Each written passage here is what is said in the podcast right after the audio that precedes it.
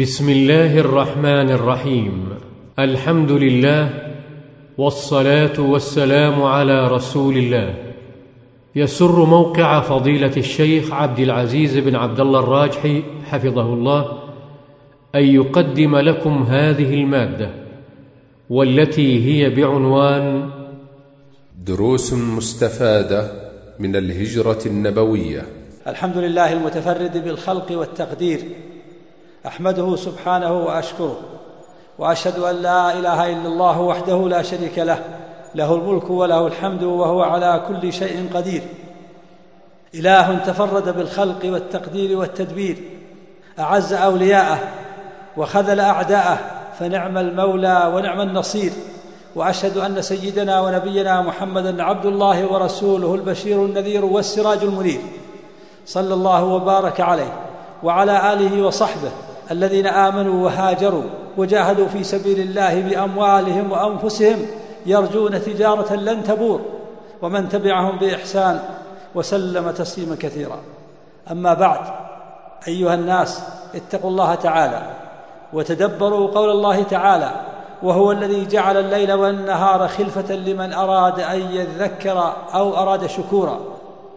في هذه الآية الكريمة بين أنه جعل الليل والنهار يخلف احدهما الآخر. لمن أراد أن يتذكر ويعتبر ولمن أراد أن يشكر الله عز وجل. فمن فاته عمل بالليل قضاه بالنهار ومن فاته عمل بالنهار قضاه بالليل. وتدبروا قول الله تعالى ومن رحمته جعل لكم الليل والنهار لتسكنوا فيه ولتبتغوا ولتبتغوا فضلا من ربكم ولتعلموا عدد السنين والحساب وكل شيء فصلناه تفصيلا. وقوله عز وجل وجعلنا الليل والنهار آيتين.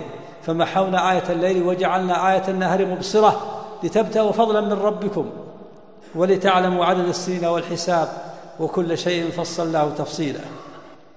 ومن رحمته جعل لكم الليل والنهار لتسكنوا فيه ولتبتغوا فضلا من ربكم ولعلكم تشكرون. واعلموا أن لله تعالى حكمة بالغة في تعاقب الشهور والأعوام وتوالي الليالي والأيام. فإن الله تعالى جعل الليل والنهار خزائن للأعمال ومراحل للآجال يعمرها الناس بما يعملون من خير وشر إلى آخر آجالهم. ومن رحمة الله تعالى بعباده أن جعل لهم ليلا ونهارا وجعل فيهما آيتين آية للنهار وهي الشمس وآية لليل وهي القمر. وجعل الليل للناس ليسكنوا فيه وجعل النهار مبصرا ليبتغوا فيه فضلا من الله. يسعون فيه لمعايشهم وجعل كل نهار يتجدد بمنزلة الحياة الجديدة. يستجد فيه العبد قوته ويستعيد نشاطه ويستقبل فيه عمله. ولهذا سمى الله تعالى النوم بالليل وفاة واليقظة بالنهار بعثا. فقال عز وجل وهو الذي يتوفاكم بالليل ويعلم ما جرحتم بالنهار ثم يبعثكم فيه ثم يبعثكم فيه ليقضى أجل مسمى. ثم إليه مرجعكم ثم ينبئكم بما كنتم تعملون. ومن رحمة الله تعالى بعباده أن جعل الشمس والقمر حسبانا. ففي الشمس معرفة الفصول وفي القمر حسبان الشهور. وجعل الله السنة اثني عشر شهرا. وفيه أربعة حرم كما قال تعالى إن عدة الشهور عند الله اثنا عشر شهرا في كتاب الله يوم خلق السماوات والأرض. منها أربعة حرم ذلك الدين القيم. فلا تظلموا فيهن أنفسكم. والأربعة الحرم ثلاثة منها متوالية وهي ذو القعدة وذو الحجة والمحرم والرابع منها مفرد وهو رجب بين جمادى وشعبان. ومن تيسير الله لعباده أن جعل الحساب الشرعي العربي مبنيا على الشهور الهلالية وجعل لها علامة حسية يعلمها ويدركها الخاص والعام وهي رؤية الهلال في المغرب بعد غروب الشمس. فمتى رؤي الهلال فقد دخل الشهر المستقبل وانتهى الشهر الماضي. وبذلك يكون ابتداء التوقيت اليومي من غروب الشمس لا من زوالها لأن أول الشهر يدخل بغروب الشمس وأول الشهر هو أول الوقت. أيها المسلمون لقد كان ابتداء التاريخ لقد كان ابتداء التاريخ الإسلامي منذ عهد أمير المؤمنين عمر بن الخطاب رضي الله عنه حيث جمع الناس سنة ست عشرة أو سبع عشرة من الهجرة. واستشارهم. واستشارهم من أين يبدأ التاريخ؟ فقال بعضهم يبدأ من مولد النبي صلى الله عليه وسلم. وقال بعضهم يبدأ من بعثة النبي صلى الله عليه وسلم. وقال بعضهم يبدأ من هجرة النبي صلى الله عليه وسلم. وقال بعضهم يبدأ من وفاة النبي صلى الله عليه وسلم. ولكنه رضي الله عنه رجح أن يكون بدء التاريخ من الهجرة من هجرة النبي صلى الله عليه وسلم إلى المدينة ووافقه الصحابة على ذلك. وذلك لأن الله تعالى فرق بالهجرة بين الحق والباطل وبالهجرة إلى المدينة وبهجرة النبي صلى الله عليه وسلم إلى المدينة. قام كيام مستقل للمسلمين وتكون في المدينة أول بلد إسلامي يحكمه المسلمون بشريعة الله. ثم إن الصحابة ثم إن الصحابة الذين جمعهم عمر رضي الله عنه تشاوروا من أي شهر يبدأون السنة؟ فقال بعضهم تبدأ السنة من شهر ربيع الأول لأنه الشهر الذي قدم فيه النبي صلى الله عليه وسلم إلى المدينة مهاجرا. وقال بعضهم تبدأ السنة من رمضان لأنه الشهر الذي نزل فيه القرآن. واتفق رأي عمر وعثمان وعلي رضي الله عنهم على أن يكون بدء السنة من الشهر المحرم لأنه شهر حرام يعقب ذا الحجة يعقب شهر ذي الحجة الذي فيه أداء الناس حجهم وبه تمام أركان الإسلام لأن الحج آخر ما فرض من الأركان الخمسة ولأن شهر المحرم يلي الشهر الذي بايع فيه النبي صلى الله عليه وسلم الأنصار على الهجرة وتلك المبايعة من مقدمات الهجرة فكان بهذا أولى الشهور بالأولية في بدء السنة شهر الله المحرم ووافق الصحابة على ذلك. فكان مبدأ التاريخ اليومي من غروب الشمس ومبدأ التاريخ الشهري من الهلال ومبدأ التاريخ السنوي من الهجرة. أيها المسلمون إن علينا أن نشكر الله تعالى على ما يسره لنا من هذا الحساب البسيط الميسر وعلى الأمة الإسلامية وقد استقبلت عاما هجريا جديدا. أن تتذكر أن تتذكر ذكريات ما أعظمها وما أشد وقعها وأثرها في النفوس ذكريات البطولة الخالدة ذكريات الهجرة والجهاد والصبر والمصابرة ذكريات ما أحلاها وأعذبها ذكريات لا تنسى ولن تنسى مدى الأزمان فقد سجلها وحي السماء وتكفل الله بحفظها ذكريات هجرة رسول البشرية ونبي الإنسانية جمعا رسول الرحمة نبينا محمد عليه أفضل الصلاة وأتم التسليم.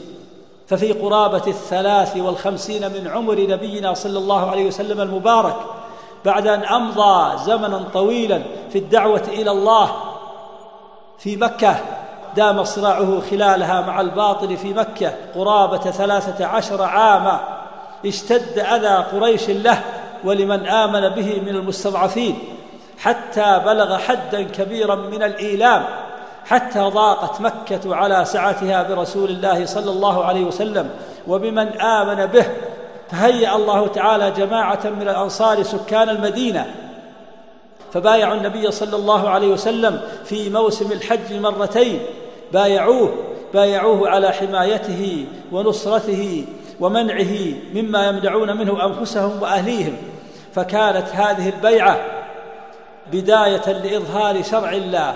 وإقامة دين الله فهاجر نبينا صلى الله عليه وسلم من مكة إلى المدينة في شهر ربيع الأول. هاجر ذلكم المهاجر الميمون الذي أشاد به القرآن الكريم وبمن آواهم ونصرهم وواساهم. فقال الله عز وجل للفقراء المهاجرين الذين أخرجوا من ديارهم وأموالهم يبتغون فضلا من الله ورضوانا وينصرون الله ورسوله. أولئك هم الصادقون. ونوه سبحانه وتعالى بالأنصار الذين آووهم فقال والذين تبوأوا الدار والإيمان من قبلهم يحبون من هاجر إليهم ولا يجدون في صدورهم حاجة مما أوتوا ويؤثرون على أنفسهم ولو كان بهم خصاصة. ومن يوق شح نفسه فأولئك هم المفلحون. وما هذه الهجرة؟ هجرة ذل ويأس. كلا وأنى ليأس أو ذل أن يخامر قلوبا مؤمنة بالله ومصدقة بوعده. ولكنها سياسة حكيمة لبداية النصر والفتح وتمهيد وتدبير للإطاحة بالباطل والقضاء على الظلم والشرك والطغيان.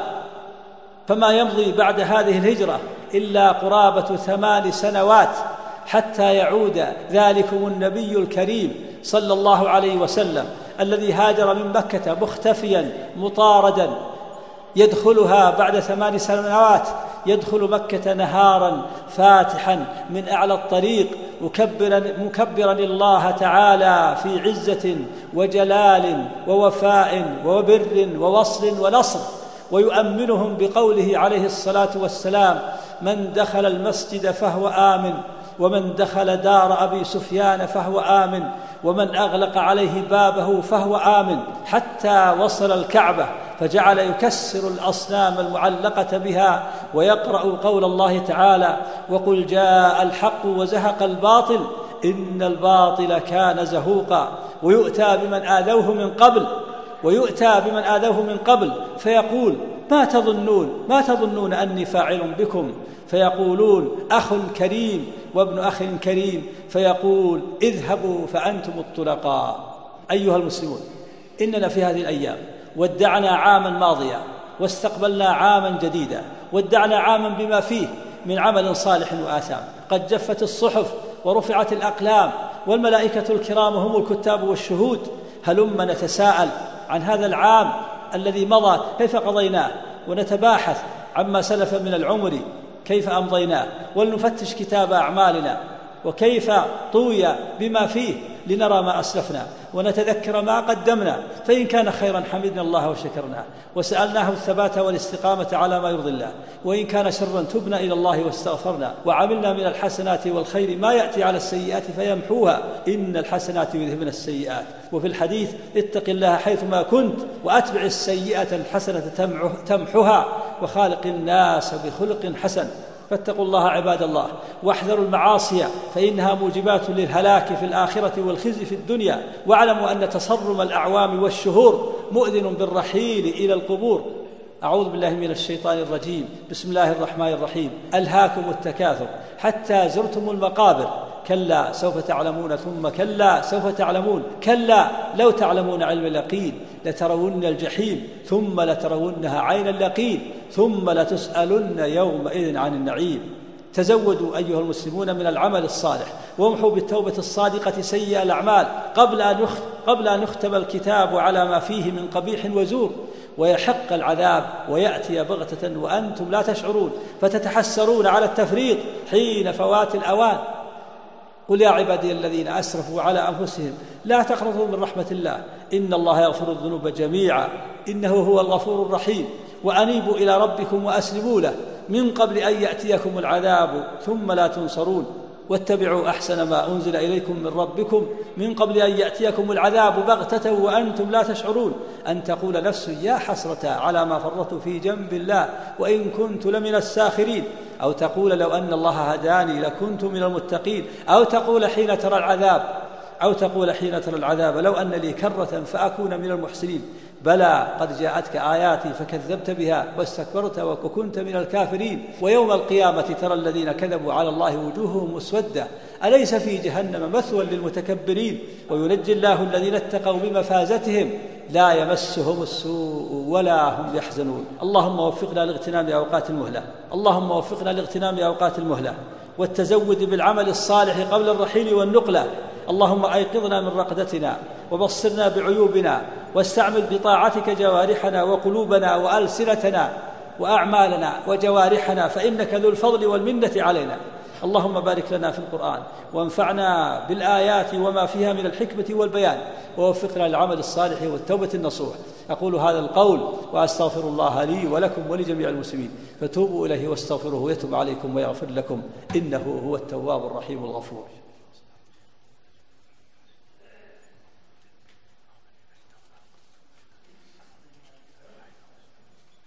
الحمد لله على إحسانه والشكر له على توفيقه وامتنانه وأشهد أن لا إله إلا الله وحده لا شريك له تعظيما لشأنه سبحانه وأشهد أن سيدنا ونبينا محمدا عبد الله ورسوله الداعي إلى رضوانه صلى الله وبارك عليه وعلى آله وأصحابه وأتباعه وأعوانه وإخوانه وسلم تسليما كثيرا. أما بعد أيها الناس اتقوا الله تعالى وأكثروا من الأعمال الصالحة وتوبوا إلى ربكم في جميع الأوقات فإن التوبة فإن التوبة واجبة على كل إنسان.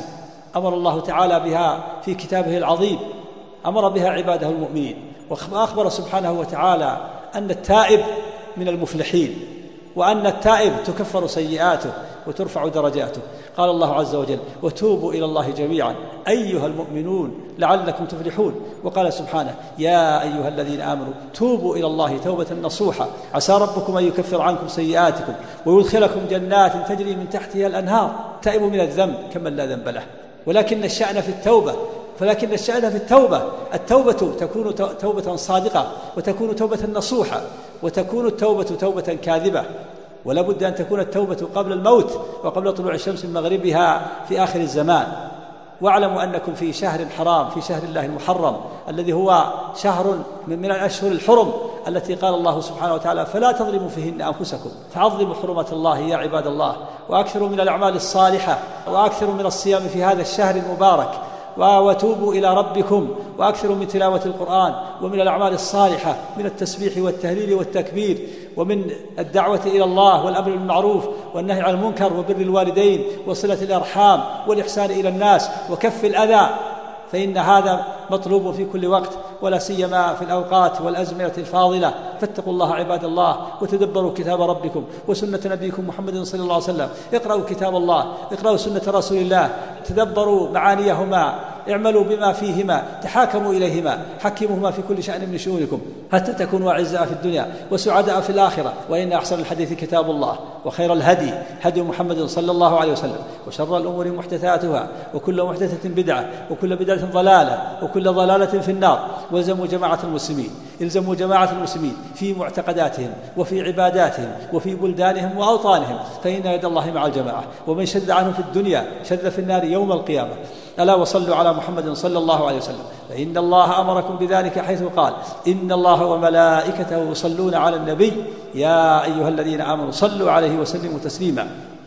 وقد قال عليه الصلاة والسلام من صلى علي صلاة صلى الله عليه بها عشرا اللهم صل على محمد وعلى آل محمد كما صليت على إبراهيم وعلى آل إبراهيم إنك حميد مجيد. اللهم بارك على محمد وعلى آل محمد كما باركت على إبراهيم وعلى آل إبراهيم إنك حميد مجيد. وارض اللهم عن الأربعة الخلفاء الراشدين أبي بكر وعمر وعثمان وعلي وعن سائر أصحاب نبيك أجمعين وعن التابعين وتابعيهم ومن تبعهم بإحسان إلى يوم الدين. وعنا معهم بمنك وعفوك وكرمك وجودك يا أكرم الأكرمين. اللهم أعز الإسلام والمسلمين. اللهم أعز الإسلام والمسلمين. اللهم أعز الإسلام والمسلمين. وآذل الشرك والمشركين. ودمر أعداء الدين. وانصر عبادك الموحدين المؤمنين. واجعل هذا البلد آمنا مطمئنا وسائر بلاد المسلمين يا رب العالمين. اللهم آمنا في أوطاننا. اللهم آمنا في أوطاننا. اللهم آمنا في أوطاننا. وأصلح أئمتنا وولاة أمورنا. واجعل اللهم ولايتنا في من خافك واتقاك واتبع رضاك يا رب العالمين. اللهم أصلح ولاة أمورنا، اللهم أصلح ولاة أمورنا، اللهم أصلح ولاة أمورنا، اللهم ارزقهم البطانة الصالحة التي تعينهم على الخير وتذكرهم إذا نسوا يا رب العالمين، اللهم اجعلهم هداة مهتدين غير غير ضالين ولا مضلين، اللهم ول على المسلمين خيارهم، اللهم ول على المسلمين خيارهم، اللهم ول على المسلمين خيارهم وابد عنهم شرارهم في مشارق الأرض ومغاربها، إنك على كل شيء قدير، اللهم وابرم لهذه الأمة أمر رشد يعز فيه أهل طاعتك ويذل فيه أهل معصيتك ويؤمر فيه بالمعروف وينهى فيه عن المنكر يا سميع الدعاء، اللهم أعذنا من الفتن ما ظهر منها وما بطن. اللهم ادفع عنا الغلاء والوباء والربا والزنا والزلازل والمحن وسوء الفتن ما ظهر منها وما بطن. عن بلدنا هذا خاصة وعن سائر بلاد المسلمين عامة يا رب العالمين. اللهم انصر دعاة الخير وأئمة الهدى والمجاهدين في سبيلك والدعاة إلى سبيلك والآمرين بالمعروف والنهي والآمرين بالمعروف والنهي عن المنكر في كل مكان. اللهم انصر إخواننا المجاهدين الذين يجاهدون في سبيلك لإعلاء كلمتك وإعزاز دينك في كل مكان. اللهم انصرهم على أعدائهم اللهم ثبت قلوبهم اللهم انزل عليهم الطمأنينة والسكينة اللهم وحد صفوفهم واجمع كلمتهم واربط على قلوبهم اللهم ارحم ضعفهم واجبر كسرهم وتول أمرهم. اللهم عليك بأعدائهم الكفر فإنهم لا يعجزونك. اللهم اشدد وطأتك عليهم. اللهم شتت شملهم واقذف الرب في قلوبهم وخالبنا قلوبهم وكلمتهم واجعلهم غنيمة للمسلمين. يا ذا الجلال والإكرام يا حي يا قيوم. اللهم أقم علم الجهاد واقمع أهل الشرك والفساد والريب والزيغ والعناد وانشر رحمتك على العباد. يا من له الدنيا والآخرة وإليه المعاد. اللهم من أرادنا وأراد الإسلام والمسلمين بسوء فأشغله بنفسه. اللهم اجعل كيده في نحره. اللهم اجعل تدبيره تدميرا عليه. اللهم أدر عليه دائرة السوء وأنزل عليه بأسك الذي لا يرد عن القوم المجرمين. ربنا ظلمنا أنفسنا وإن لم تغفر لنا وترحمنا لنكونن من الخاسرين. ربنا اغفر لنا ذنوبنا وإسرافنا في أمرنا وثبت أقدامنا وانصرنا على القوم الكافرين. ربنا اغفر لنا ولإخواننا الذين سبقونا بالإيمان. ولا تجعل في قلوبنا غلا للذين آمنوا. ربنا إنك رؤوف رحيم. اللهم اغفر لنا ولوالدينا ولجميع المسلمين الأحياء منهم الميتين. برحمتك يا أرحم الراحمين. ربنا لا تزغ قلوبنا بعد إذ هديتنا وهب لنا من لدنك رحمة إنك أنت الوهاب. ربنا لا تؤاخذنا إن نسينا أو أخطأنا. ربنا ولا تحمل علينا إصرا كما حملته على الذين من قبلنا. ربنا ولا تحملنا ما لا طاقة لنا به. واعف عنا واغفر لنا وارحمنا. أنت مولانا فانصرنا على القوم الكافرين. ربنا آتنا في الدنيا حسنة وفي الآخرة حسنة وقنا عذاب النار. عباد الله إن الله يأمر بالعدل والإحسان وإيتاء ذي القربى وينهى عن الفحشاء والمنكر والبغي يعظكم لعلكم تذكرون وأوفوا بعهد الله إذا عاهدتم ولا تنقضوا الأيمان بعد توكيدها وقد جعلتم الله عليكم كفيلا. إن الله يعلم ما تفعلون. فاذكروا الله العظيم الجليل يذكركم واشكروه على نعمه يزدكم ولذكر الله أكبر والله يعلم ما تصنعون. شاكرين لكم تعاونكم. مع تمنياتنا لكم بالعلم النافع والعمل الصالح. هاتف المكتب أربعة أربعة خمسة خمسة تسعة تسعة خمسة. فاكس أربعة أربعة خمسة خمسة واحد أربعة ستة. www.sh underscore rajhi.com